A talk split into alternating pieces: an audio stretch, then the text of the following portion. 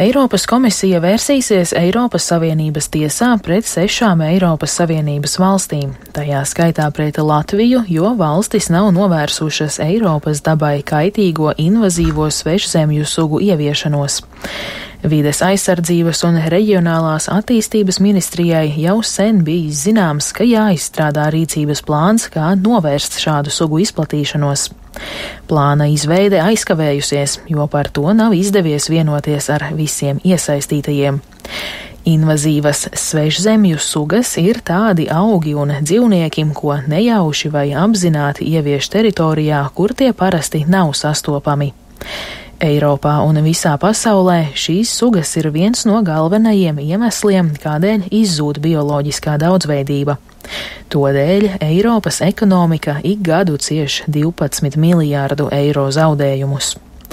Latvijā ir desmitiem invazīvu sugu, no kurām zināmākās ir lupīna, Kanādas zeltslotiņa vai Spānijas kailgliemezis.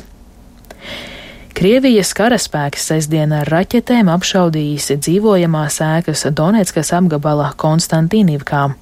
Uzbrukumos nogalināti trīs cilvēki, bet ievainoti vēl 17. Šodien Krievi apšaudījuši Ukrainas pilsētu Hersonu. Uzbrukumos nogalināti trīs un ievainoti vēl seši cilvēki. Apšaudes sākās naktī un turpinājās visu dienu. To dēļ ir izpostītas dzīvojamās un administratīvās ēkas, slimnīca, autoosta un arī elektropārvades līnijas. Par jauno Čehijas prezidentu kļuvis atvaļinātais NATO ģenerālis Pēters Pavels. Viņa pretinieks vēlēšanās bija bijušais premjers miljardieris Andrejs Babišs. Pavels vēlēšanās ieguva 58% balsu. Kopumā vēlēšanās piedalījās 70% iedzīvotāju, kas ir neierasti daudz. Vakar Daugaupilī noslēdzās Latvijas Radio 2 aptauja Muzikālā banka 2022. Gada vērtīgākās dziesmas titulu ieguva grupas Citi zēni dziesma Lieka štuka. Par otru vērtīgāko kļuva grupas Sadenlaits izpildītā dziesma Laternas bet trešo vietu ieguva desaundu poēca dziesma pie vienas uguns. Serbijas tenisists Novaks Džokovičs desmito reizi kļuvis par Austrālijas atklātā čempionāta uzvarētāju. Džokovičs fināla spēlē ar rezultātu 6-3, 7-6, 7-6 pārspēja Stefanu Cicipu no Grieķijas. Tagad Džokovičs ir izcīnījis 22 Grandslama titulus.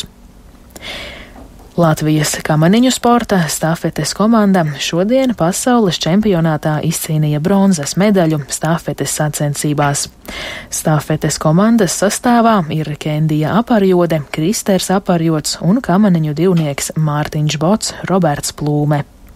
Vēl Kristers Aparjots šodien izcīnīja piekto vietu vieninieku braucienos un vēl par gaidāmajiem laikapstākļiem.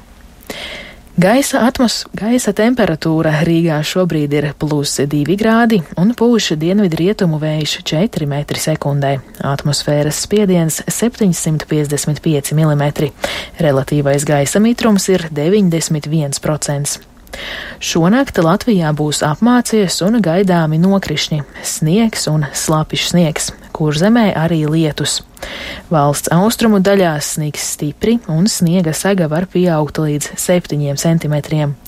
Ceļi būs slideni un sniegšanas laikā būs slikta redzamība.